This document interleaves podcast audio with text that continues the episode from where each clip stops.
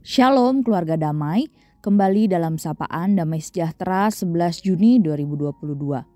Mari sebelum kita merenungkan firman Tuhan, kita berdoa. Tuhan Yesus terima kasih untuk kesempatan kami bisa sekali lagi menikmati hari yang baru di dalam anugerah Tuhan. Hari ini kami mau kembali mendengarkan firman Tuhan, kiranya Allah Roh Kudus memampukan kami untuk mengerti dan melakukannya. Dalam nama Tuhan Yesus kami berdoa dan mengucap syukur. Amin. Keluarga damai, hari ini tema perenungan firman Tuhan kita adalah berproses dalam rancangan Allah dan firman Tuhan yang akan kita baca terambil dalam Lukas pasal yang kedua ayatnya yang ke-41 hingga ayatnya yang ke-52. Lukas 2 ayat 41 hingga ayatnya yang ke-52, demikian bunyi firman Tuhan. Yesus pada umur 12 tahun dalam bait Allah – Tiap-tiap tahun orang tua Yesus pergi ke Yerusalem pada hari raya Paskah. Ketika Yesus telah berumur 12 tahun, pergilah mereka ke Yerusalem seperti yang lazim pada hari raya itu.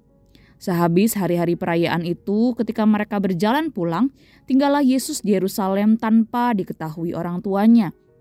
Karena mereka menyangka bahwa ia ada di antara orang-orang di perjalanan mereka, berjalanlah mereka sehari perjalanan jauhnya lalu mencari dia di antara kaum keluarga dan kenalan mereka. Karena mereka tidak menemukan dia, kembalilah mereka ke Yerusalem sambil terus mencari dia. Sesudah tiga hari mereka menemukan dia dalam bait Allah. Ia sedang duduk di tengah-tengah alim ulama sambil mendengarkan mereka dan mengajukan pertanyaan-pertanyaan kepada mereka. Dan semua orang yang mendengar dia sangat heran akan kecerdasannya dan segala jawab yang diberikannya. Dan ketika orang tuanya melihat dia, tercenganglah mereka. Lalu kata ibunya kepadanya, Nak, mengapakah engkau berbuat demikian terhadap kami? Bapamu dan aku dengan cemas mencari engkau. Jawabnya kepada mereka, Mengapa kamu mencari aku? Tidakkah kamu tahu bahwa aku harus berada di dalam rumah Bapakku? Tetapi mereka tidak mengerti apa yang dikatakannya kepada mereka. Lalu ia pulang bersama-sama mereka ke Nazaret, dan ia tetap hidup dalam asuhan mereka. Dan ibunya menyimpan semua perkara itu di dalam hatinya.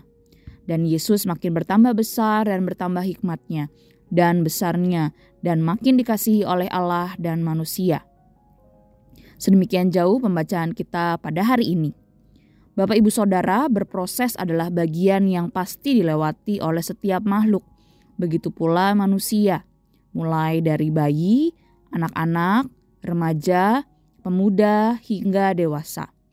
Proses ini bukan hanya bicara tentang bertumbuh secara fisik, namun juga bertumbuh di dalam rancangan Allah bagi tiap-tiap manusia. Hal ini juga terjadi dengan Tuhan Yesus. Dalam perikop yang kita baca pada bagian hari ini adalah bagian yang sangat unik, bagian yang tidak tercatat di dalam Injil lain tentang masa pertumbuhan Tuhan Yesus, seperti yang tercatat di dalam Injil Lukas ini. Dalam perikop ini, Lukas memaparkan dengan cukup gamblang tentang misteri inkarnasi di dalam diri Yesus Kristus. Lukas menggambarkan kemanusiaan murni dari Yesus bahwa sebagai anak-anak, ia bertumbuh secara fisik dan intelektual. Namun di sisi lain, Lukas juga memaparkan keilahiannya yang Yesus sendiri sadari – dan dari apa yang ia lakukan, hal itu nyata. Dia ketika ia berkata-kata, "Aku harus berada di dalam rumah Bapakku."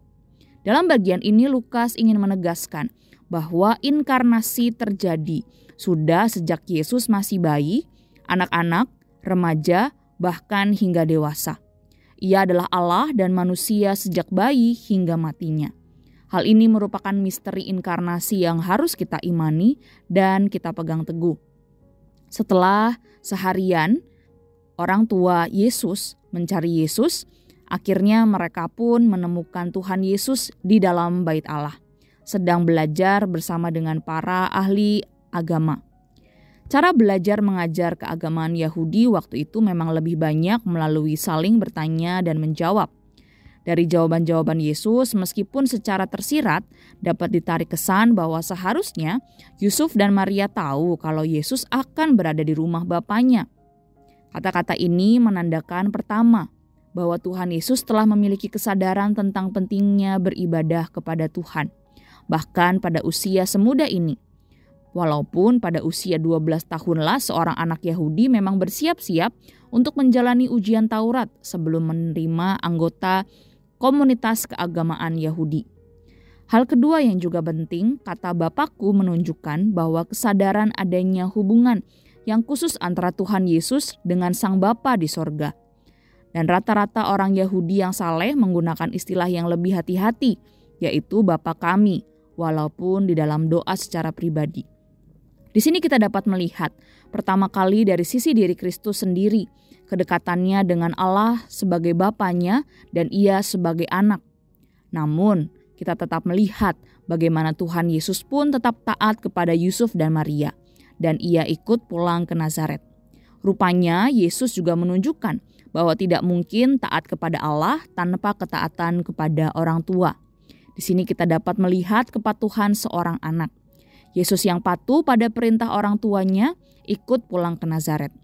Hikmatnya pun semakin bertambah dan ia memasuki hari-harinya dalam cara hidup yang memuliakan Allah, sehingga ia makin dikasihi Allah dan manusia.